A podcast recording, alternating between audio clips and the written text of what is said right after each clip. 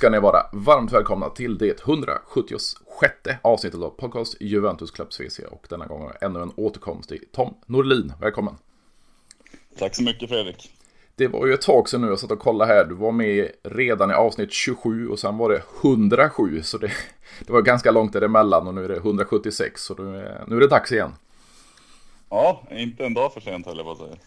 Nej, det, det känns som det är en hel del att, att, att diskutera. Eh, och som sagt, det är ju nästan 170, eller vad säger jag, 70 avsnitt sedan du var med sist. Så eh, då kan man ju lite börja med vad, vad tycker du om den gångna säsongen?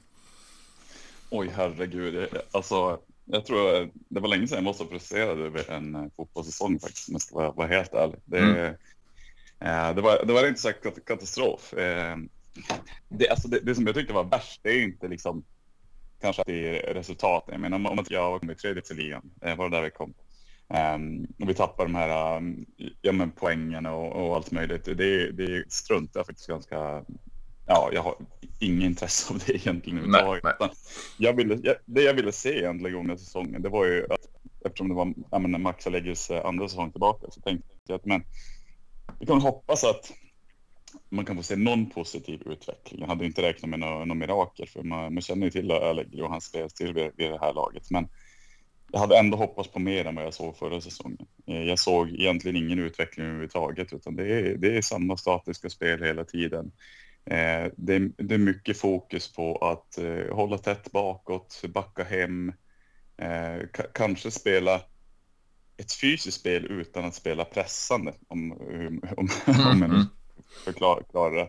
Ehm, så upplevde jag det och jag, jag, kan inte säga att jag njöt en enda gång under hela förra säsongen och jag tror aldrig jag haft en säsong där jag känt liksom att oj vilken bra match vi, vi spelar eller oj nu har det gått bra, bra några matcher i rad. Men utan det var egentligen bara, jag, jag satt och var totalt ointresserad eh, framför tvn och det har nog aldrig hänt. Jag har ändå följt Juventus sedan eh, 96 när man var typ så här 12 år gammal i princip, eller på att säga. Eh, och eh, det, för mig har det aldrig sett så, så dåligt ut. Och, och då kände jag liksom att ja, men jag, jag började tappa intresset för att, och titta och det, det har aldrig, aldrig skett. Och det är väl det som gjorde mig så otroligt frustrerad förra säsongen, liksom att man ser inte de här ljus, ljuspunkterna, man ser ingen utveckling i spelet, man ser ingen glöd bland spelarna. Man, ja, jag hade svårt att finna någon ljusglimt egentligen överhuvudtaget under förra säsongen. Ja, det känns ju lite som tvärtom säsong. Man kan ju säga att tidigare så har man ju fyra, fem matcher man kommer ihåg att nej jävlar, det här ser fan inte bra ut och, och, och, mot ett skitlag dessutom. Nu är det lite tvärtom att du kan nämna fyra, fem matcher som kanske var bra eller riktigt bra den här säsongen och, och det är jäkligt ovant för oss Juventino att se. Men eh, det är nästan som man börjar bli van nu med två säsonger då under Allegri. Ja, och jag, jag, är ju rädd för att det kommer tyvärr, tyvärr fortsätta. Eh, och det, det, är den, den delen som oroar mest, mig mest som liksom supporter. Liksom, det är att, ja, men, fan, ska jag sitta och titta på det här en säsong till eller två säsonger till? Allt beror ju på liksom, om man kommer få förlängt, eh, eller inte få förlängt, men om man kommer sitta hela kontraktet ut. Eh, den grejen oroar mig ganska mycket, för jag, jag vill absolut inte ha kvar Max Allegri i klubben. Jag skiter i, även om vi skulle vinna egentligen, ska vinna Serie A, vi ska vinna Champions League. Jag vill ändå inte ha kvar i klubben. Jag, jag bryr mig inte om resultaten mer. Jag vill se en fotboll som utvecklas. Men det menar jag inte att det ska vara en bländande fotboll, att det ska vara en tokoffensiv. Det är inte det det handlar om. Folk bara, ja, men vi, kan, vi kan inte spela som Barcelona, vi är, vi är Juventus. Ja, jag vet att vi är Juventus, men jag har också följt det här laget så pass länge så jag vet hur vi har spelat genom alla säsonger och så här ska det inte behöva se ut. Vi ska ändå kunna spela en positiv fotboll. Eh, med det sagt så nej, visst inte tiki-taka, det, det, det, funkar kanske, det är inte vår melodi, men vi ska ändå kunna spela en bra och positiv fotboll som gör att fansen fortfarande vill titta på de här matcherna. Alltså de vill komma till arenan och de är exalterade över att få se Juventus. Och eh, så är det ju inte nu om man ska vara ganska hård. Vad, vad, vad, tänker du kring egentligen? Det var ju väldigt mycket diskussioner när säsongen började gå till sin ända och även efter att, att Allegri skulle bli ersatt. Det blev ingenting av det. Nu blir det en, en tredje eh, säsong då efter eh, ja, väldigt traggliga, eh, ja, en tragglig säsong helt enkelt. Vad, vad, tror du att Allegri blir kvar? Har klubben fortfarande så pass tålamod och, och tilltro till Allegri eller är det rent ekonomiskt? Jag, jag tror att det, det är nog både lite och. Jag tror att man, det har ju snackats lite grann om det här, att ja, men, det var en säsong med poängavdrag och skador och det ena och det andra. Så jag tror att man vill ge han åtminstone en, en halv säsong till eh, och utvärdera därefter. Liksom att man har en mer skadefri trupp, att man inte har de här eh, minuspoängen som li ligger där i, och, i huvudet på spelarna. Det också. Jag tror också det är mycket därför att han fick förlängt. Hade inte de där minuspoängen funnits så tror jag att han hade fått, eh, fått lämna med tanke på hur, hur det sett ut. Men eh, det är som de, de säger, liksom att ja, men, nu ger vi han en ordentlig chans Eh, med en ny start eh, och förhoppningsvis det inte så mycket fokus på eh, Europaspel utan mer fokus på ligan och grejer och eh, se om man klarar av att leverera. Jag tror att det är mycket det det, det handlar om. Att, eh, för jag menar, man har, det är klart man har diskussioner med tränaren också. Alltså, det är inte så att bara styrelsen bara träffas och säger att nej, men nu ska vi, ska vi sparka Max, utan vi, vi måste träffa han och diskutera och höra vad han tycker, höra vad han tänker eh, varför säsongen sett ut som, eh, som den gjort. Och där tillsammans, tillsammans så tror jag att man försöker finna någon eh, form av beslut. Det är min erfarenhet av eh, ja, men fotboll och ja, men alla lagsport egentligen överhuvudtaget. Att det, är, det är så man gör, att man sparkar inte någon bara bakom ens rygg. Så att jag tror att det här är ett beslut som man har nått tillsammans med Allegri, att man eh, försökte kanske någonstans köpa hans argument varför det här säsongen har sett ut som det har gjort, och spelet har sett ut som det har gjort. Och med tanke på att han sitter på ett långt kontrakt så ger man han en chans till. Men skulle det nu fortfarande se väldigt dåligt ut i januari, då tror jag nog att han får lämna. Ja, för det känns ju inte som man kommer ha några ursäkter överhuvudtaget. För det är ju inte annonserat än, men det bör inte ens bli Conference League den här säsongen då. Och då kan man lämna de här juridiska sakerna bakom sig och, och då är det ju ligan och ja, Coppa Italia också då, som, som man får fokusera på. Och mm. tar man åtminstone inte en, en ja, kanske inte en scudetto, men, men en topp tre placering när man inte har någonting annat att, att eh, fokusera på. Då är det som du säger, han har till januari på sig. Och ligger det inte bra till där då, då måste han ju gå. Ja, då, då måste han ju gå. Och jag tror att då kan han inte heller skylla på liksom att ja, men eh, spelet ser ut som det gör, utan då, då måste man se en positiv utveckling i spelet. Och det tror jag också styrelsen eh, väntar på att eh, man, man får se den här positiva utvecklingen. Jag tror som sagt, jag tror inte det, det handlar inte bara om resultatet, utan det, det handlar nog faktiskt också om att man vill, jag, jag, tror även från deras sida så vill man spela en, en positiv och attraktiv fotboll.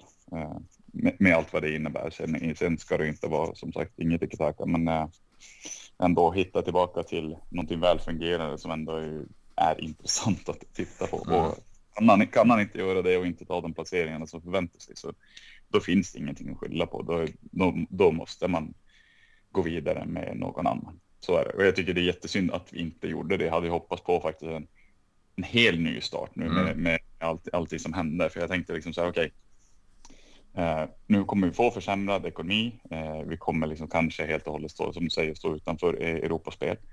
Eh, eh, Max har inte utvecklat spelet no någonting egentligen överhuvudtaget. Det har sett traggligt ut hela tiden. Varför då inte se det som en möjlighet? Gör sig av med de här spelarna som sitter på väldigt höga löner, börjar komma upp i åldern, som inte bidrar med någonting. Eh, byt ut tränaren, start, start om igen från grunden. Skit i start, skit om det blir en Eh, en tionde placering. Det är, jag tycker inte, det är, det är, inte viktigt, utan det viktiga är ju det långsiktiga perspektivet. För jag menar, annars kommer det gå som en berg och dalbana upp och ner, upp och ner, upp och ner nu, nu flera år. Utan man måste ändå tänka, okej, okay, hur kan vi göra det här långsiktigt? Hur kan vi bygga från grunden? Vad är det slutgiltiga målet?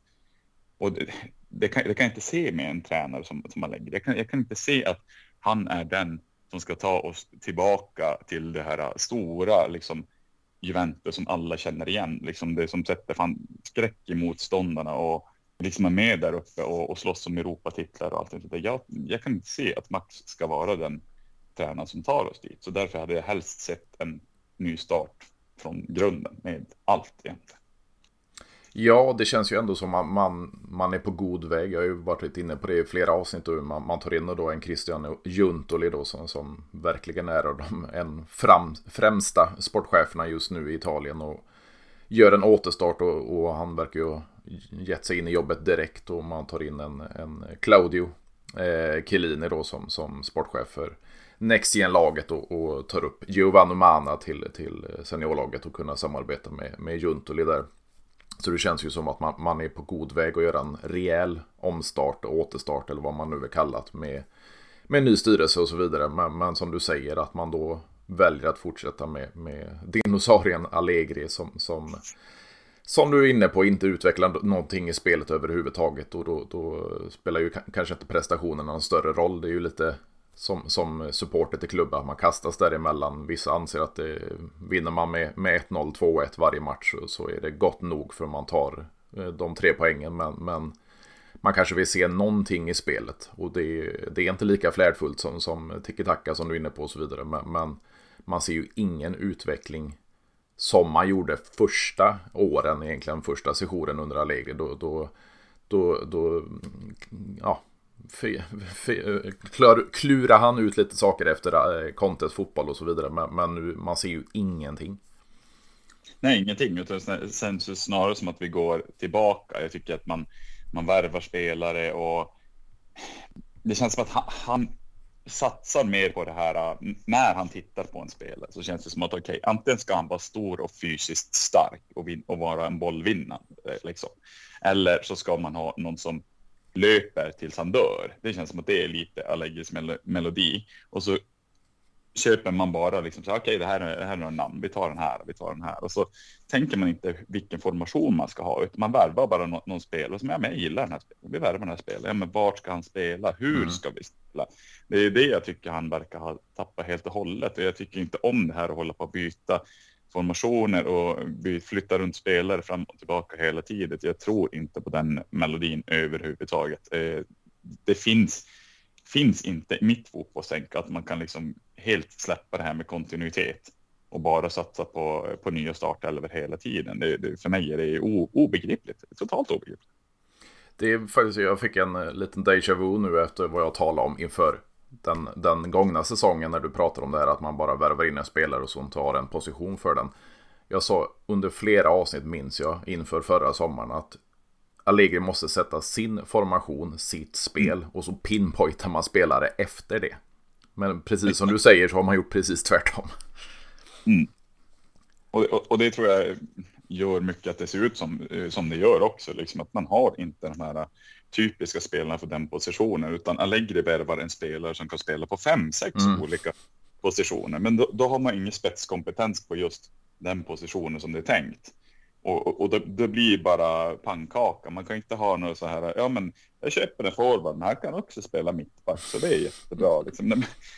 Alltså nu överdriver jag, men mm. alltså det, det, blir lite den frustrationen man, man känner som liksom support när man tittar på laget. Men okej, spelar han där idag och imorgon spelar han där borta? Liksom. Nej, men det, det funkar inte, utan jag, jag, jag har alltid liksom haft den tanken att man ska sätta en spelare som är väldigt specifik på den positionen. Och sen visst är det klart om det verkligen krisar att man kan flytta den någon gång. Men den ska ha en fast position och utvecklas där. Annars så, så blir man inte bättre på den positionen. Då kommer du bli halvbra på allting. Man vill ju ha, den ska vara, ha en spetskompetens. Den ska vara bra på en position. Den ska inte vara bra på massor med positioner. För det, då är det ju bara en medioker spelare i mina ögon.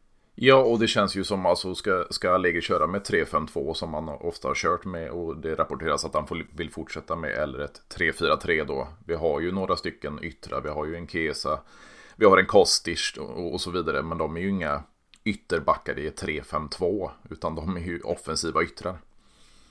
Precis, visst är det så. Och framförallt Kesa, han är ju någonstans någon, någon blandning av en ytterforward och en, eh, och en ytter. Kostic mm. kanske kan spela lite, lite mer defensivt, men eh, men det är ju så att nu ingen av dem ska ju spela wingback.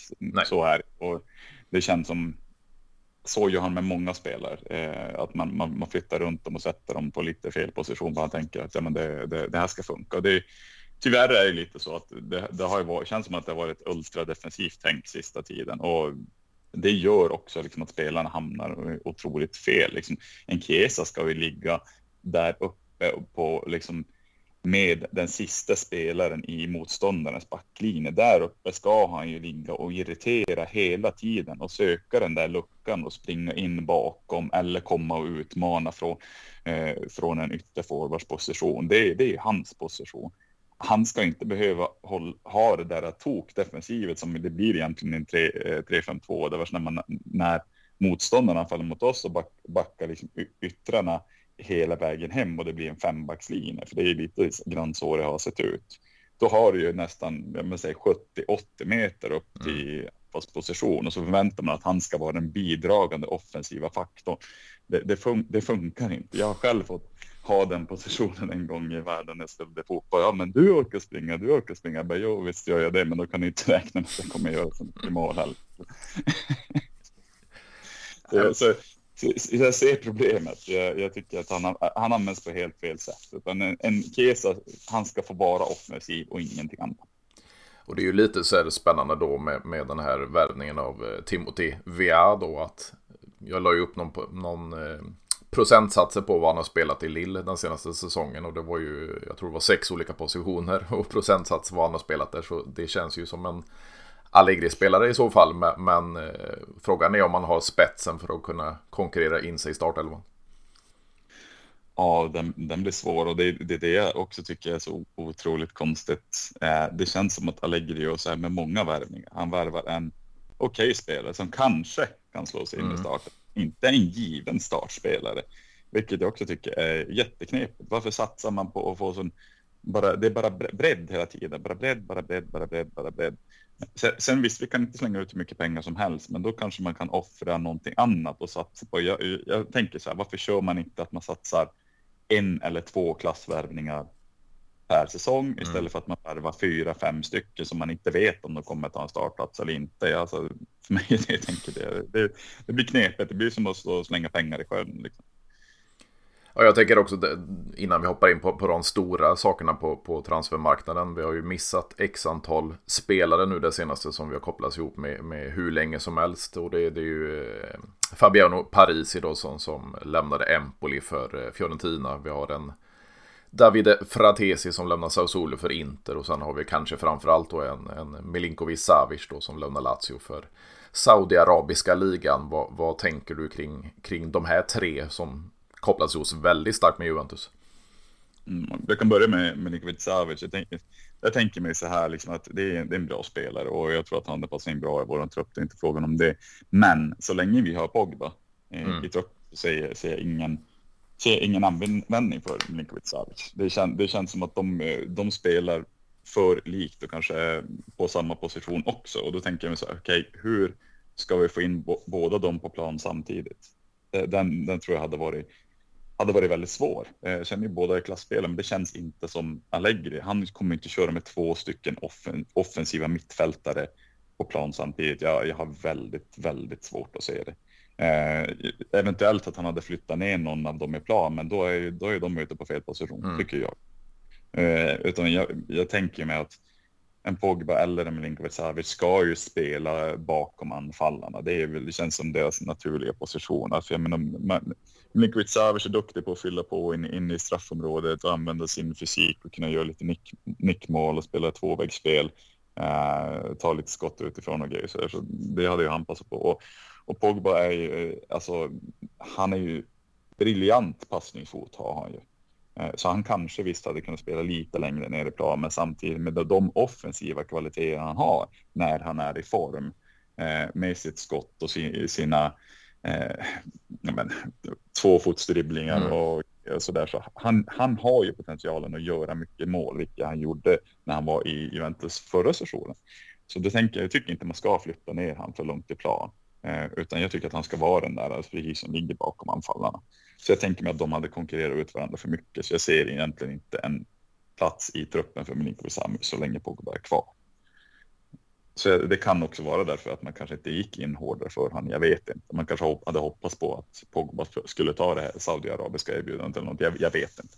Uh, men det är, det är många stora spelare nu som går, går, går till saudiska ligan. För det är klart man får mycket pengar. Så det, börjar man bara närma sig 30 så då tror jag många känner bara okej, okay, jag har gjort det här nu. Jag kör något år i saudiska ligan och så får jag mina pengar så får vi se vad som händer. Ja, för det känns ju ändå som alltså, sms att han går i den här åldern han egentligen ska vara i sin prime. Och, och då inte gå till en annan storklubb, det, det känns väldigt underligt. Ja, väldigt, väldigt underligt. Eh, men jag, jag, vet, jag vet, inte om det är, det är många spelare som uttrycker det. Liksom, man har sett när de har gått till de här, men till Kina och till Saudiarabien och allting sånt här. Ja, men kommer från en fattig, mm. fattig bakgrund och, och jag vill bidra till min familj och, min, och, och allt det här. Liksom, känna liksom att de också ska klara sig bra, bra ekonomiskt. Ja, men jag vet inte riktigt om jag köper de argumenten alltid. Liksom, det är så pass mycket pengar man tjänar ändå så jag tror ändå hela familjen klarar sig ganska ekonomiskt bra ändå om man ska vara, vara helt ärlig. Så jag, jag, tror det handlar egentligen om att boosta sitt, sitt ekonomiska ego och kunna leva i, i lyx och flärd. Jag tror att det, det är mest, mest det det handlar Ska vi gå till eh, Fratesi? Mm. Eh, han känner jag liksom hade, jag tror att han hade passat ändå bra in i, i i truppen. Eh, och jag tänker mig att där är det kanske lite synd att vi, vi missar honom. Det är en modern mittfältare. Jag tycker han påminner lite grann om eh, Claudio Marquisio mm. i, i stilen. Det har jag egentligen alltid sagt. Liksom att, eh, han har den här, han, eh, han, löper mycket, han fyller på bra, har egentligen inga direkta svagheter. Inte superbra på någonting kanske egentligen, men väldigt bra på det mesta. Och, och jag gillar ju lite den, den, den spelartypen som är ganska aggressiv eh, och den känslan får jag från Tese. Det känns som att han har precis börjat sin utveckling. Jag tycker att han blir bättre och bättre hela tiden. Sen har jag aldrig, aldrig sett, tänkt att han har gjort så här. Jo, han har inte gjort någon drömsäsong än så länge, men jag tror att det är bara en tidsfråga innan han är där faktiskt.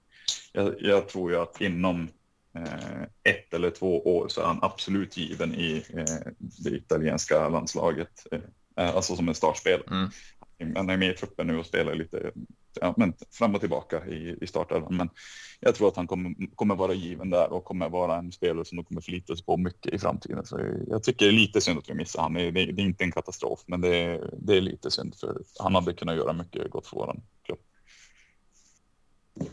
Ja, det känns också som en hel del hänger ihop med att man, man valde då att förlänga med, med Adrien Rabiot också på, på mittfältspositioner. Ja. Så man har ju, som du nämnde då, en Pogba istället för en Milinkovic Savic. Vi har en Locatelli och en Rabiot då som, som kan, och sen har vi tillbaka en, en Nicolo Rovella dessutom. Så, så de här mittfältspositionerna med en, en Fagioli och, och så vidare, det, det känns som de är hyfsat fyllda. Ja, det är som sagt, vi har ändå ett bra mittfält och det är som du säger, liksom, när vi förlänger med Rabiot, så det, det finns inte heller riktigt, riktigt utrymme då. Jag menar, nu har vi fortfarande lite, lite frågetecken. Hur ska vi göra med Miretti? Kommer han vara kvar mm. alltså, den här säsongen eller ska han lånas ut? Liksom? Så vi har ju många kvalitativa liksom, mittfältare, så, så länge man, som jag säger, det är, det är lite samma som med Milinkovic Savic. Om, om ingen försvinner så kan vi kanske inte ta in riktigt någon heller på mittfältet för att då, då får ju någon av de här som kanske ska ha speltid. Men vi säger ta in en Milinkovic Savic, ta in en Fratesi och ingen lämnar. Ja, men vad händer då med Fidioli? Då får inte han spela en minut typ, under hela nästa säsong. Nej, och, och ändå är det ju konstigt det här med, med, med nu är det väldigt mycket snack om Frank Kessie i, i Barcelona dessutom, så, så in med ännu mer mittfältare. Ja, en riktig brunk mittfältare mm. tycker jag blivit sista tiden tyvärr. Så jag, tar vi in han, liksom, ja, nej, det, den, den, förstår jag faktiskt inte. Det, det skulle kännas som en utfyllnadsspel. Det är inte så att han är dålig, men det är inte så att han heller går, kommer vara någon given startspelare. Det kommer han, kommer han inte vara. I alla fall inte så som det har sett ut de senaste säsongerna så har jag väldigt svårt att se att han ska ta en given startplats i, i vårt. Nej, jag menar det. Alltså, har vi då en Pogba som, som håller, nu vet vi ju inte om han håller fortfarande, för det är fortfarande personlig träning då, men, men ja, förhoppningsvis så är han i, i, i, form då inför för den kommande säsongen. Då har vi en Pogba, vi har en Rabiot som förlängde, vi har en Rovella då som kan ta en Rista-roll och, och Locatelli som fyller på och så vidare. Så, så eh, det känns inte som Kessie är den, det namnet vi behöver ha in för då, då får vi göra oss av med mer mittfältare i så fall.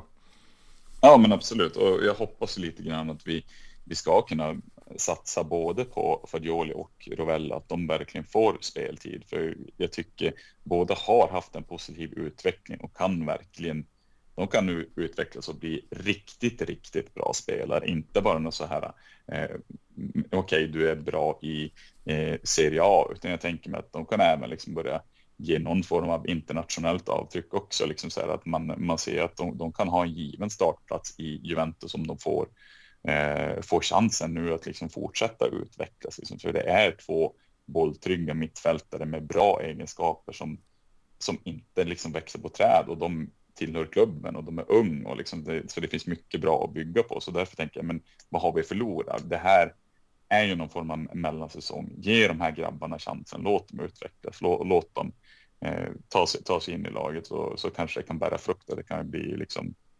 nästa Barella eller vad man ska säga mm. som också har gjort en liknande väg. Alltså, man, man kommer väldigt ung och väldigt lovande, men man ges chansen i unga år och han är ju, han är ju en världsspelare, Barella, idag egentligen. Kanske inte tekniskt sett alla gånger, men det är fortfarande som där spelare alla skulle älska att ha en Barella i sitt lag. Hur mycket man än kan störa sig som mm. motståndare mm. så är det fortfarande en otroligt bra spelare och jag tänker mig att de här grabbarna kan gå samma väg om de får den chansen. Ja, och det känns ju ändå så här. Alltså, vi, vi kan ju nämna hur många mittfältare som helst. Om vi har då Fagioli och Meretti som har, som har slagit sig in i, i seniorlaget och, och spelat ganska mycket. Mm. Så, så har vi ju även underifrån. Vi har ju fått tillbaka en Filippo Ranocchia då som, som verkar gå till Empoli. Vi har en eh, Hans Nicolusio Caviglia som, som eh, också kommer säkerligen säljas eller gå på lån igen.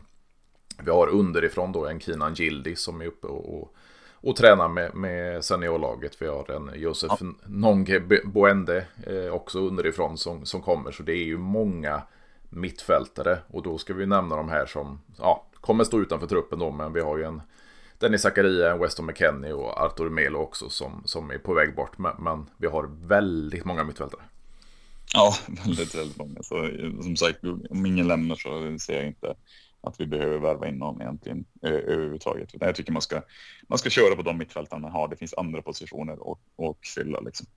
Och, och, då tänker jag framför allt liksom ytterbackspositioner och det, mm. det surt att vi tappade Paris där. Men liksom att, jag vet inte exakt vad som gjorde att man inte vågade gå för han fullt ut. I, i och för sig, man vet ju inte spelarens tänk heller. Han kanske inte ville ville gå till Juventus, det vet man ju inte. Liksom. Så vi bara sitter och spek spekulerar om, men jag tycker ändå man skulle ha försökt hårdare på han, för det är en, liksom en ung italiensk ytterback som ser väldigt lovande ut. Så eh, jag tycker man skulle ha satsa hårdare på att ta in han i truppen, för det är ju kanske framför allt de positionerna som behöver förstärkas. Fast man vet ju aldrig hur Allegri tänker, vilken spelstil han ska ha, vilken formation han ska ha eller något. Så han kanske är nöjd med Alexander, jag vet inte. Jag är inte det, men han kanske är det. Ja men den, den är ju så extremt skum. Alltså, han, jag kommer inte ihåg om det var 35 eller 40 framträdanden skulle han komma upp i för att automatiskt då förlänga kontraktet. Och det, det, det har ju Allegri låtit han, han nå också så att den, den blev förlängd. Så, så, och nu pratas det ändå att man försöker sälja han så, så jag förstår inte alls hur man kan, kan leda en klubb på det sättet. Nej, det är ett vansinnigt beslut om man ska, om man ska vara helt ärlig. För Alexandro, han har inte, han har inte gjort någon glad på flera säsonger. Utan jag, jag tror att varför Allegri har envisats med det är för att han har tyckt att han har börjat bli lite användbar på andra positioner mm, också. Mm. Han har fått smyg, smygspela lite grann på eh, mittback och liksom allting sånt där. Men han har inte, jag tycker inte han har funkat där heller. Vissa matcher så här om man kanske har mött lag som inte har någon sån här stor fysisk forward, då har det, då har det kunnat funka ganska bra. Men de gånger när vi har släppt in liksom så här två mål och det har varit Alexandros fel så är det ju oftast i huvudspelet som man har tappat och därför kan man inte slänga in en en ytterback eh, som inte har kanske de fysiska egenskaperna att spela mittback mot ett större motstånd. Det, då, då, går det, då går det som det går och jag tycker man skulle ha gjort sig av med Alexander för flera, flera år sedan med tanke på den lönen han har, de prestationerna han, han har visat och liksom, han har ingenting kvar i klubben att göra och jag ser ju ingen, ingen grinta eller någonting. Jag blir bara förbannad varenda mm. gång jag ser det. Jag tycker alltså, jag orkar inte med den spelaren. bara, men kan du visa någon passion, någon glöd överhuvudtaget? Eller visa, visa någonting som jag kan glädjas åt? Men nej, jag, jag tål inte Alexandro. Det låter hemskt att säga, men det är en av de spelarna som jag har stört mig på i så många år. Och bara, nej, men, nej, jag vill verkligen ha bort honom från klubben. Ja. Ja, men det är ju lite så här då, ännu konstigare då om man väljer det. Nu, nu ska jag inte höja Quadrado över skyarna för, för jag tycker också han har, har sänkt sig framförallt den sista säsongen då. Men, men Quadrado har ju gjort ett bättre jobb än vad Alexander har gjort. Så, så man väljer ja, inte för länge. Alla. Nej, det är, den är ju också lite så här. Ja, jag hade, jag hade nog hellre sett att man hade låtit eh, Quadrado vara kvar istället för Alexander. För, ja, nej. Quadrado tycker jag också, han, han kan ju vissa stunder ha någon form av bidragande offensivt i alla fall. Mm. Och i, i det stora hela så tycker jag inte att han är sämre defensivt egentligen heller än vad Alexander är. Eh, Så nej, jag hade hellre sett att Kvarell hade varit kvar, absolut.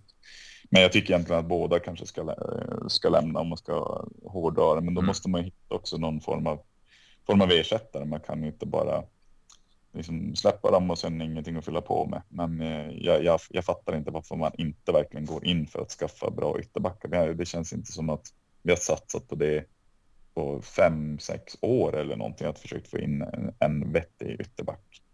Alltså, man gjorde någon försök med Luca Pellegrini, men det, eh, det gav ju inte riktigt frukt som man kanske hade hoppats på. Så jag tror att det har varit ett, ett stort problem också, varför våra spelare sett ut som de gör. För det är ändå, det är ändå en viktig position. Och man, man behöver någon, någon, form av ja, men, eh, kreativitet och liksom kunna komma på lite överlapp och allting från, över, från liksom ytterbackspositionerna. Men vi har ju inte riktigt de backarna mer. Är det någon spelare som man verkligen kan sakna om man tittar tillbaka på den gamla eran? Det var inte så att han var världens bästa spelare, men han var ändå extremt nyttig för Juventus. Det är Lichstein. Mm jag hoppas ju någon gång att vi kan få in en liknande spelartyp. För den inställningen och grintan som han hade, liksom så här krigar tills han spydde liksom. Alltså han bara sprang och sprang och sprang och sprang. Och sen var han ju när han hade den här, ja men endast han tar så mycket löpningar som han gör. Till slut så var det som att ja, försvararna, de orkar inte med honom mer. Och så kom han ändå, bröt han sig ändå igenom och gjorde några mål. Han gjorde några assist även fast han inte kunde slå inlägg. Och han var väldigt stark defensivt också, just det här att han aldrig var trött. Han, jag kan sakna han eh, otroligt mycket, även fast det inte var någon sån där favoritspelare på, på sätt och vis ändå. Liksom, så kan jag ändå tycka att ja, men, fan, han, var, han var bra ändå, så jag gillar honom. Jo, men det är ju egentligen så här det ska man hårdra. Jag har varit inne på det tidigare. Vi har ju egentligen inte haft några kvalifikativa ytterbackar under en regelbunden tid sen Lichsteiner och Evra om man ska hårdra det. Eh, det stämmer, absolut. Vi har ju absolut inte fokuserat på den och som du säger vi bytte då, då Spinazzola som inte var Spinazzola i, i, i landslaget och Roma på den tiden i Juventus men ändå bytte bort honom mot Luca Pellegrini som återigen kommer lånas ut eller, eller eh, köpas loss då. Vi har en Andrea Cambiasso som, som vi, vi värvade, lånade ut. Nu talas det om att Milan är intresserade. Alltså, ska vi ha kvar någon ytterback förutom De Chilio? Det, det, det känns så jäkla underligt. Det känns otroligt underligt och tittar man tillbaka på Spinazzola så det bytet kommer jag aldrig förstå. För när man såg, han var, han var med på försäsongsturnén den, eh, den säsongen innan, innan han gick. Det minns jag, han var med på den här USA-turnén eller vad han hade gjort alltså, riktigt bra insatser. Mm. Jag tänkte nu kanske vi kan få den här offensiva ytterbacken. Liksom så här, men då släpper man han. Bara, vad, håller, vad håller man på med? Och så får han liksom, slår han igenom med dunder och brak egentligen i, i Roma. Och han var ju en starkt bidragande faktor faktiskt till varför Italien eh, vann EM-guld. Även om mm. han skadade sig där i slutet så i gruppspelet, han var ju helt sinnessjukt mm. bra. Han släppte ingen förbi sig defensivt, han anföll hela tiden framåt och utmanade, dribblade förbi, slog inlägg. Han var, han var galet bra, så det, det är synd att vi, vi tappade honom. Ibland har jag inte riktigt förstått våra business, men det är man gör någon krona här, man gör någon krona där och det, det är kanske det som räknas för den där styrelsen, jag vet inte. Nej, precis. Och, och, eh, ska vi hoppa in på, eller det finns ju några stora grejer som har hänt de senaste dagarna. Men, men eh, som sagt att man, man, lämnar utanför McKenny, Arturo och, och Zakaria utanför truppen och, och, vill ha bort dem. Det, det, är en sak, men man har även valt då att eh, sätta Leonardo Bonucci, våran lagkapten, på, på transfermarknaden. Och han kommer, ja, enligt uppgift då inte kunna ha kvar det sista året på kontraktet. Vad, vad, vad tänker du där? Eh, alltså det är klart, eh, på, någon, på sätt och vis så är det väl det är klart det är jättetråkigt att se liksom en trotjänare som, som Bonucci att han kommer kanske få ett sånt tråkigt avslut med, med klubben. Eh, det kan jag tycka är tråkigt och vet att många andra supportrar också tycker är tråkigt. Men ska man hårdra det så här så att Bonucci har inte varit Bonucci de senaste två säsongerna. Utan det har varit det har varit otroligt mycket skador. Det har varit eh, blandande resultat fram och tillbaka. Han sitter på en väldigt hög lön mm. trots eh, sin, sin, höga ålder och allting sånt här. Så jag, jag förstår ändå, liksom, det, det, det, det, är klart det är hårt. Och så tänker man ju om alla legendarer, för han är ju en legendar i Juventus. Man kan inte säga någonting annat. Man kan inte bara titta på, liksom, okej, okay, sista säsongen har gått tungt. Ja, han, är så, han är så dålig, bla, bla, bla, bla. Ja, men han är ju en väldigt stor del av vår, vår historia, visst, visst är det så. Uh, men han har, han har sett sitt bäst före-datum. Jag, jag, jag, jag, tycker bra om Bonucci så liksom, men allting har sitt slut och jag, kan också tycka att han borde känna mm. lite grann. Och, men det har inte funkat så bra de här två senaste säsongerna och ja, antingen jag, jag kanske kan acceptera att gå ner i lön. För jag vet att det pratas om att han inte ville göra det och mm. det är därför mycket man har satt på på transfermarknaden. Eh, för någonstans måste man kunna rannsaka sig själv och känna liksom att nej, men det, det här har inte funkat. Jag har inte gjort det som förväntas av mig. Eh, och då kanske det är ja, men dags att gå vidare eller göra någon, någon for, form av förändring. För att ja, men, han, är, han är inte den världsbacken han, han en gång var. Han, han är inte det. Och då måste man kanske göra någon, någon förändring. Och, och ska han lämna så kanske det är bättre att han, han gör det nu. För jag tänker mig en säsong till med en eh, Bonucci som är skadad hela tiden och de få gångerna spelar så blandar han och, och ger fram och tillbaka hela tiden. För i ärlighetens namn så han var ju en säkerhetsrisk mm. en eh, del av förra säsongen när han spelade. Det, det såg man liksom. Alltså vad han klantade till det ibland och liksom slarvar mycket. Han, eh, han har ju en fin passningsfot och det här och, och liksom sådär. Men då försöker han vara den här kyliga gamla Bonucci, liksom så här att han försöker göra någon liten skottfint där i backlinjen eller någonting och så tappar han bollen eller så går han, går han bort sig in i kontringsspel eller så blir han bortsprungen eller någonting. För han har, han har ju tappat mycket, väldigt mycket fysik, det, det syns ju. Han har ju inte någon form av explosivitet kvar i kroppen överhuvudtaget. Låter hemskt att säga, men Eh, men han är inte samma Bonucci mer och hur tråkigt den är så kan det vara dags för han att han packar väskan. Även om jag, det är klart jag kommer vara väldigt glad för allt han har gjort för klubben och, och så vidare. Och så vidare. Men jag, jag tror nog att det kanske är bättre att man satsar på någon annan. För till exempel Rogani var eh, bättre än vad han förra säsongen. Det, jag, kan, jag kan inte säga någonting. Han var, Rogani var bättre och då då, då har man ju gjort sitt. Kanske. Då, då har det gått långt och, och, och det, det, känns, det känns ju ändå så här om, om vi då säger att, att Bonucci försvinner. Det, det kommer ju även rapporter att, att han ska försöka övertyga Allegri och ledningen och vara kvar. Men, men vi säger att han, han, försvinner nu i sommar. Vi har Rugani kvar som, som du var inne på. Vi har en, en Danilo då som varit mer mittback än, än ytterback de senaste två säsongerna egentligen. och, och vi har en Gatti, vi har förhoppningsvis kvar en Bremer då som, som det är mycket flyttrykten kring fortfarande. Men man måste ju egentligen få in någon då. Då talas det ju om, om eh, Eimerick eh, Laporte i Manchester City. Vi har en, en Konstantinitos Mavropo, Mavropanos i, i Stuttgart. Och nu kom det i, jag tror då, om det var igår, om det var lite rykten om Southamptons eh, Armel Bella Kotchap eh, också. Vad, vad, om du hör de här tre namnen, tänker du att någon potentiellt kan gå in i Juventus? Ja, tveksamt. Höll jag på att säga. Alltså, det är väl inte dåliga, dåliga spelare så, men man är ju så eh, otroligt van att ha en, ha en väldigt stark backlinje i Juventus. Och, mm. jag vet inte om man ska satsa nu på någon sån här halvbra spelare. För alltså, eller halvbra, de är, de är bra. Jag vet inte om de är Juventus bra om man tänker på att Juventus brukar vara en av de lagen i världen som har bäst, absolut bäst backlinje. Och så har det ju sett ut i jättemånga år. Alltså vilka, vilka fantastiska spelare vi, vi har haft egentligen, framförallt på backsidan. Det var helt galet bra. Eh, så jag, jag, tycker nästan att, ja, men, ta en säsong med typ de backarna mm. man har i princip. Eh, I alla fall på mittbackspositionerna och satsa på att ta in större namn till, till nästa säsong. För jag tycker inte man ska göra, man ska inte göra panikvärvningar nu. Det, alltså det, jag vet att många bara, men vi måste in och vi måste in. Ja, jag förstår att man känner så. Jag känner väl också kanske någonstans så. Men någonstans måste vi också titta på det långsiktiga perspektivet och värvar man en spelare för, jag vet inte, 30-40 miljoner euro någonstans där kring. För det, det, det är det jag kan tänka mig, liksom, att få in en halvbra mittback. Liksom. Mm. Det, det, är de pengarna som krävs. Men om han inte duger, om han inte passar in i, i klubben och det, det, inte riktigt funkar, då står vi där med någon som har ett långt kontrakt och vi har slängt ut lite pengar i onödan. Jag tycker verkligen att man ska på den fronten så tycker man, man ska vara otroligt noga med sin scouting och, och vänta tills det är rätt läge att värva rätt spelare till mittbackspositionen.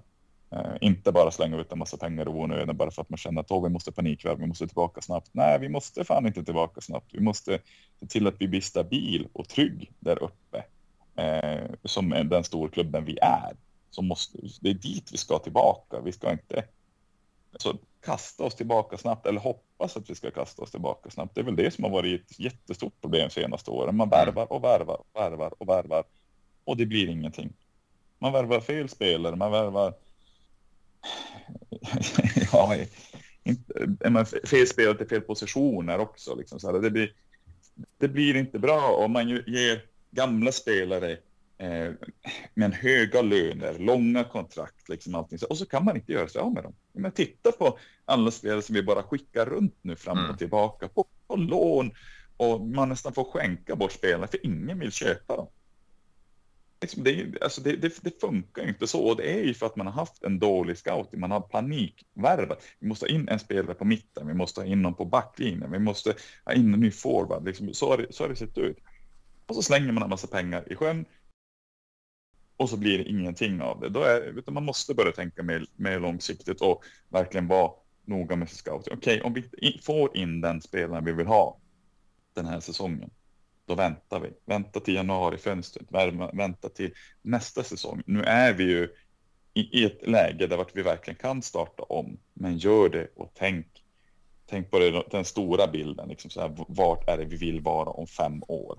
Det är lite så jag försöker tänka och som supporter att jag vill jag skiter fullständigt om det går tungt den här säsongen. Det kan gå, få gå tungt nästa säsong också, men bara liksom att vi tar små, små steg framåt till att bli den här stabila, trygga klubben vi en gång var. För där är vi absolut inte nu.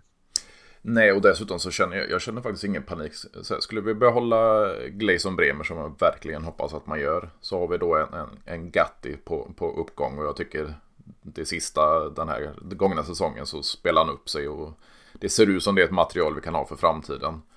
Eh, och där bakom då så har vi en Danilo som blir lagkapten efter Bonuccis avsked då. Eh, och sen har vi Rugani som har ett år kvar på kontraktet. Så nästa sommar så, så kan han lämna som bossman och då blir man av med, med det kontraktet också.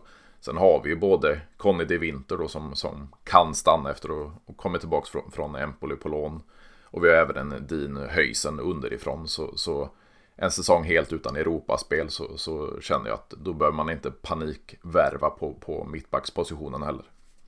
Nej, exakt så. Det, det borde klara, vi borde klara oss med det materialet vi har där. Utan det är bättre, bättre om man tänker långsiktigt och verkligen få in den, den bara känna för sig ju längre säsongen gick. Så jag, jag, jag tänker att det kan bli bra.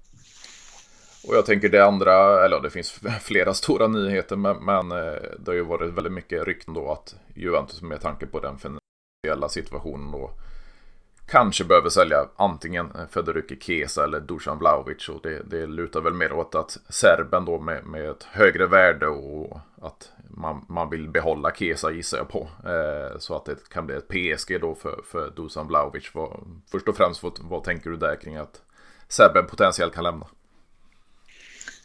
Med tanke på den säsongen han hade eh, så känner man ju liksom så här, ja, det, det, jag vill egentligen inte att vi, vi, bara ska släppa honom efter en säsong. Jag tycker att det, det känns jättedumt för att eh, med rätt förutsättningar och en rätt utvecklingskurva så kanske han kan bli en spelare som kan vara fanbärande för Juventus i, i flera år. Men sen är man ju också orolig med tanke på hur det såg ut förra säsongen. För det, jag tycker han, han har ju problem lite grann med första touchen. Jag tycker att han har lite grann problem med positioneringen, liksom var han ska eh, stå i inläggslägen och grejer. Så därför många gånger bara, men, men vad händer? Sen, jag vet inte, var det dåliga inlägg eller var det det att han hade så otroligt svårt att tajma det här? För att en spelare med hans fysiska förutsättningar och grejer och, så, och det man liksom man såg i Fiorentina, mm. liksom så här, alltså, så ska han ju kunna göra mycket mer än man gjorde. Sen visst, vi spelade inte den offensiva fotbollen vi, vi bör göra.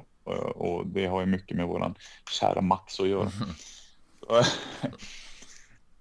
tycker jag ändå någonstans att man borde ha sett mer av. Jag tyckte han var alltså, helt osynlig 10, 15, 20 matcher under förra säsongen. Mm. Alltså, jag kände liksom att nej, men det, det här var inte alls vad jag hade hoppats på. Sen vill jag kanske inte ge upp hoppet, men jag hade förväntat mig, förväntat mig mer, förväntat mig att han skulle vara mer synlig i spelet, förväntat mig att han skulle komma till fler lägen eller någonting sånt där. Men det var ju mycket bolltapp och jag tyckte också att han hade även svårt i det här, vad ska man säga, i taget-spelet. Liksom. Mm. Det tyckte jag också att han hade lite svårt med och det tänker man att där borde han också ha gjort bättre ifrån sig. Men han, han är ju stor och stark och väldigt vältränad liksom allt det där. Så jag menar, det, det, det, ska han kunna göra, göra, bättre. Så skulle han lämna, jag skulle, ja, jag skulle tycka det var tråkigt, men det är inte så att jag skulle gråta floder över, över att han lämnar.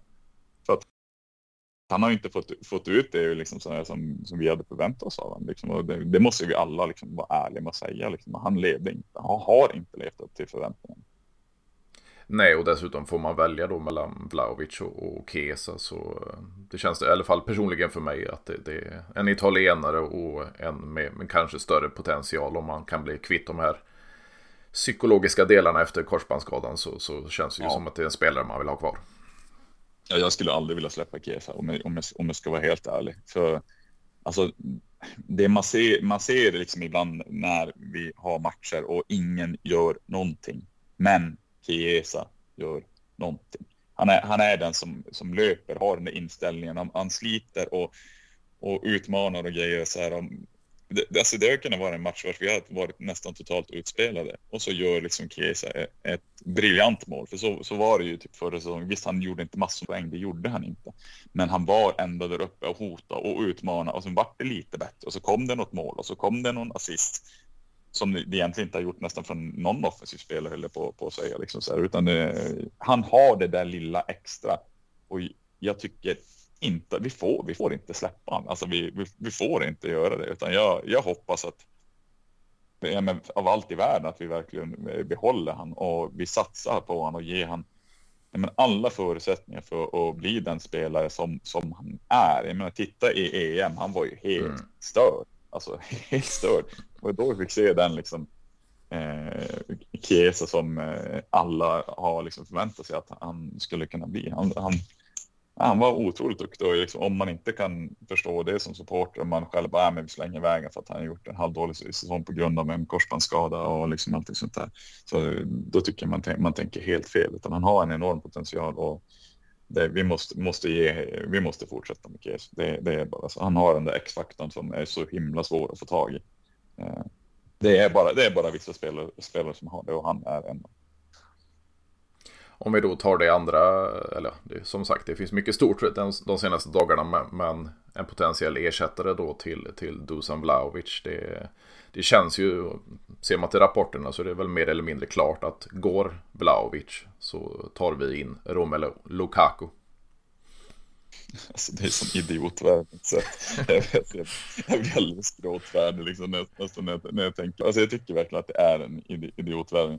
Jag säger inte det att han, det, är, det är inte alls omöjligt att han kommer prestera i Juventus. Det, det kan han mycket väl göra, men jag tycker ju inte att Lukaku är det stora matchernas eh, spelare. Jag, jag, tycker verkligen inte att han är det. Och att ge en, alltså den lönen som det har pratats om, var det 11, 10-11 miljoner euro någonstans där mm. kring tycker jag heller för en 30-plussare. Jag tycker det är helt vansinnigt. Ja, men de är ju tillbaka på exakt samma misstag som man har gjort den senaste tiden. Liksom så att man värvar spelare, ger dem en hög lön och så börjar de komma upp i åldern. Vad händer om Lukaku börjar bli skadad?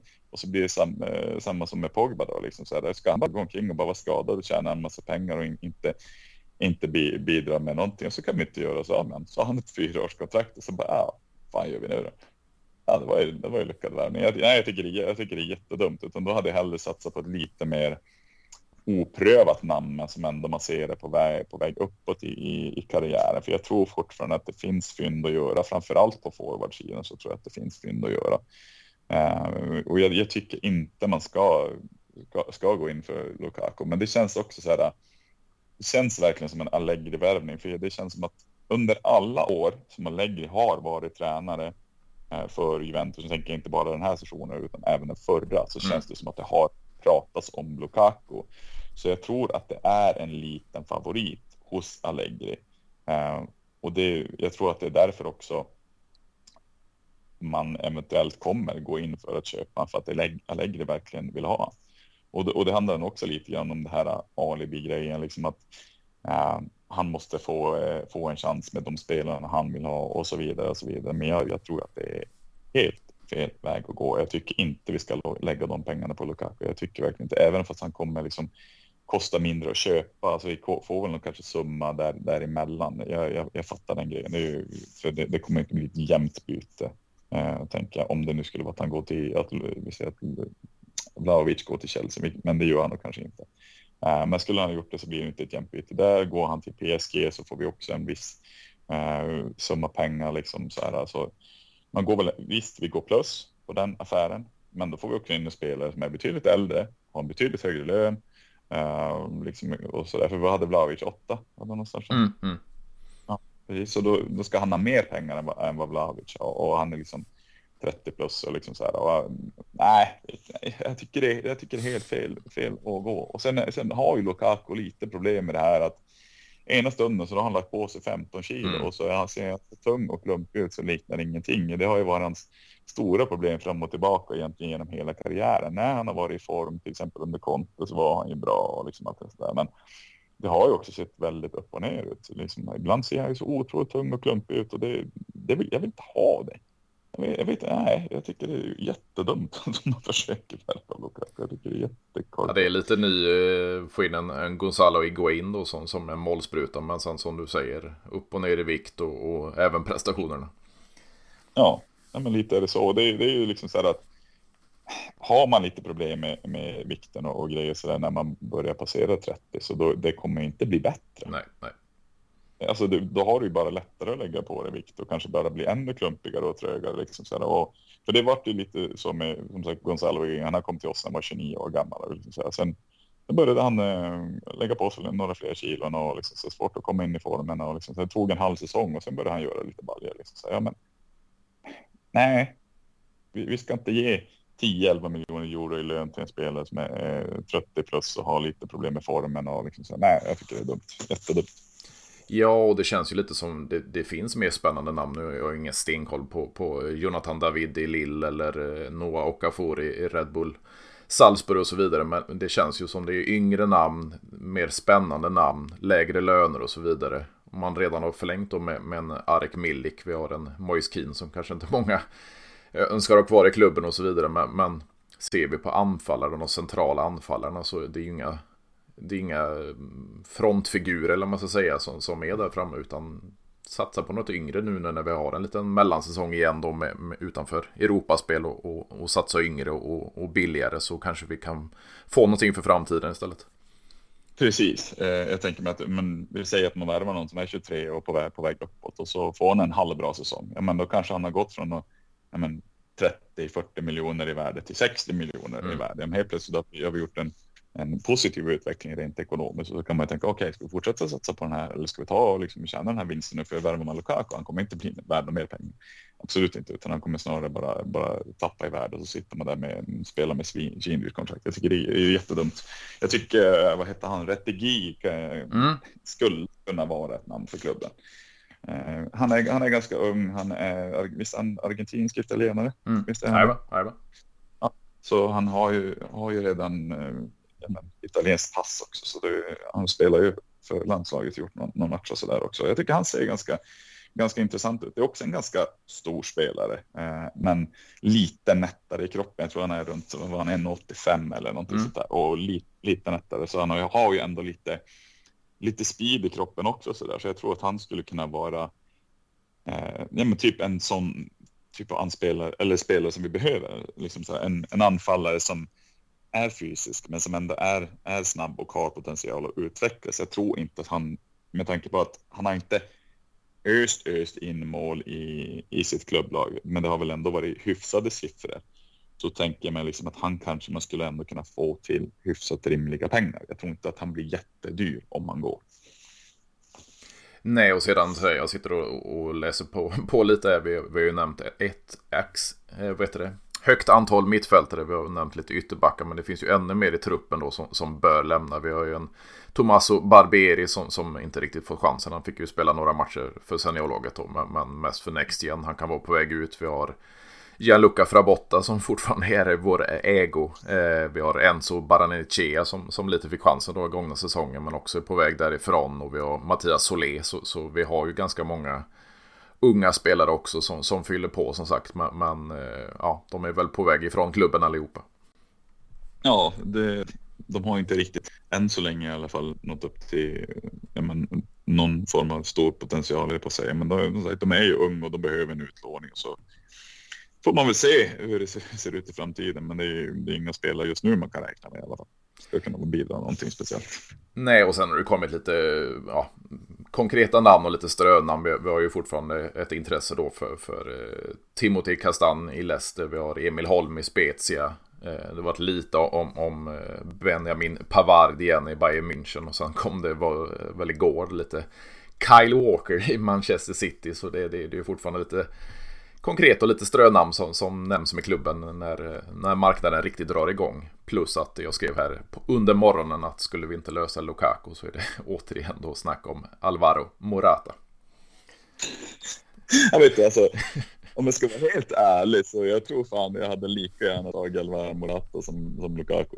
Alltså mm, om, mm. om, jag, ska vara ärlig. Alltså, jag tänker mig att han kommer inte ha samma, samma lön som Lukaku. Han kommer säkert billigare än Lukaku för den, för den delen. Man, man vet vad man får. Man får en hård det forward. Sen är det så här, ja, han gör sina missar och bränner en del lägen och grejer så här, men det, man, det kommer en ny offside-regel nu också som ska mm. testas. Så kan, kan gynna våran kära Morata. För det, det, har ju varit det här mycket problemet har varit. Ibland har han kunnat göra så här, typ tre mål på en match, men alla har varit offside.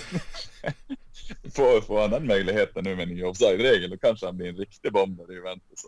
Jag, jag skulle nog nästan hellre se faktiskt Morata tillbaka en sista session än jag ser en Lukaku. Ja, jag håller nästan med dig nu när du säger det. det, det, ja, det känns ju lite så här. Vad blir det? En tredje session blir det väl då. Eh, som sagt, han har ju, vad heter det? Frun som, som kommer från området runt Turin och, och så vidare. Så han har ju kopplingar hit och, och då skulle göra en tredje session som, som potentiellt hade blivit en permanent flytt den här gången då. Eh, det, ja. det, det, kanske hade gjort honom gott också för självförtroendet. Men, men ja, det, det är kanske inte det sexigaste namnet jag, jag, jag väljer in i klubben igen. Nej, så, nej, så är det för mig också. Men jag tänker så här som en lösning för en säsong. Mm. Om vi behöver en ersättare till Vlahovic och vi, vi tänker att vi ändå, alltså, vi är inte så fokuserade på att ja, men vi ska vara i toppen av ligan. Visst, vi kanske kan komma dit med en, en Morata. Jag säger inte att det, det är en omöjlighet, men just när vi kanske inte har det i fokus, att det är det absolut, absolut viktigaste, så en duglig ersättare. Det är ingenting jag tänker som långsiktigt perspektiv, men att han är en duglig ersättare den här säsongen och att man tar in ett större namn till nästa säsong. Det skulle mm. kunna vara ett alternativ för, för min del så känner jag liksom det skulle absolut kunna kunna funka. För jag tror ärligt talat så tror jag inte att Morata skulle göra mindre mål i Juventus än vad Lukaku skulle göra. Och vad tänker du efter dina, dina tankar om Allegri? Vad vi har diskuterat om marknaden en säsong utan Europa. Vad, vad tror du att vi skulle sluta på för, för plats nästa säsong? Oj, den är, den är svår. Alltså det, det har ju lite grann kanske med, med, med transferfönster och, mm. liksom så, och så vidare att göra. Men med tanke på att om nu, vi säger att vi, det inte blir något Europaspel. Då, om vi inte kommer topp fyra, då är det ju ett misslyckande från, ja, från Allegris sida. Men jag ska tippa att vi hamnar någonstans mellan plats tre och plats sju. Eh, så det, det, är nog min, min gissning.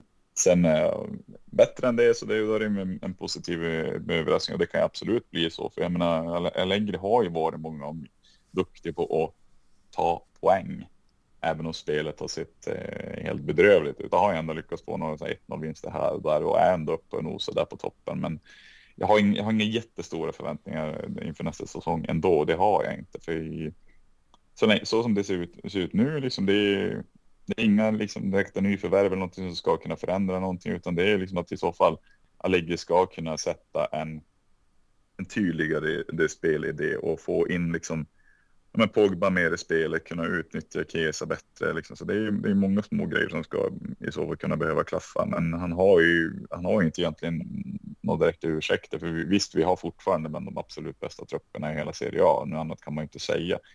Eh, men det, det, måste ju funka också. Mm. Om, om man kommer lyckas eller inte, det, det, det återstår att se. Jag har inga jättehöga förhoppningar, så jag, jag säger så här lite halvpessimistiskt, någonstans mellan plats tre och plats sju. Jo, men det känns lite, det känns eh, rimligt. Ett rimligt svar så att säga. Men sen som jag varit inne på i några avsnitt här nu det senaste också. Om man tänker på rivalerna. Du har ett Napoli då som tog hem scudetton. Det lär man ju inte göra igen på, på 33 år. Eller på att säga. men, men, jag menar de tappar Kim nu då till, till Bayern München verkar det bli. Eh, Juntoli gick till oss efter åtta år i klubben. Mm. Det känns svårt för dem att, att ta en sån hög placering igen. Vi har ett Milan då som i min mening tappa en av Italiens bästa mittfältare i Tonali. Och det känns fortfarande som ett litet halvskakigt bygge. Dessutom med, med de här amerikanska ägarna då som gör lite vad de vill med, med att kicka Maldini och Massaro och så vidare. Utan det, mm. det känns inte stabilt. Inte vet man aldrig var man har någonstans. Eh, Atalanta har väl gått lite traggligt de senaste två säsongerna. Varit Roma under Mourinho. Det, det känns aldrig säkert utan det, det kan bli lite hur som helst. Och sen ska Mauricio Sarri då upprepar sin säsong med Lazio. Det, det, vet man ju inte om man klarar. Dels när man har tappat då en, en Milinkovic Savic och, och en Immobile blir ju inte, blir inte yngre med åren heller. Så, så eh, det känns ju som de här toppkonkurrenterna. Det, det kanske inte är något som, som skrämmer mig. Nej, det, det, det skrämmer, inte, skrämmer inte mig heller. Uh, om, man, om man ska vara helt ärlig. Det, det är inga sådana här direkta världslag alla gånger heller. Liksom. Det, så är det inte. Men det, det som jag tycker är spännande nu, det känns äh, gentemot många år tidigare. Det känns som att Juventus har varit så otroligt överlägset tidigare.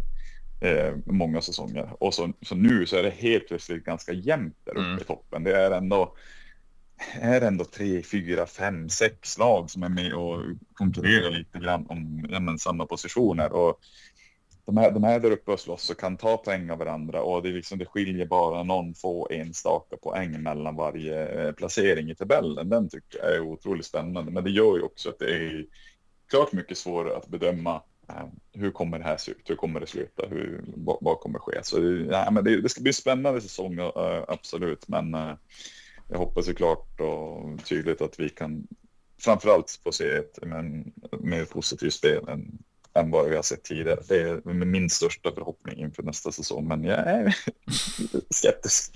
För, försiktigt eh, optimistisk. Ja, väldigt försiktigt optimistisk om jag ska vara helt ärlig. Ja, men det är härligt att höra. Och jag vill eh, tacka dig stort Tom för att du vill vara med igen. Så får vi köra ett, ett avsnitt lite, lite mer kompakt än, än 70 till 80 avsnitt emellan.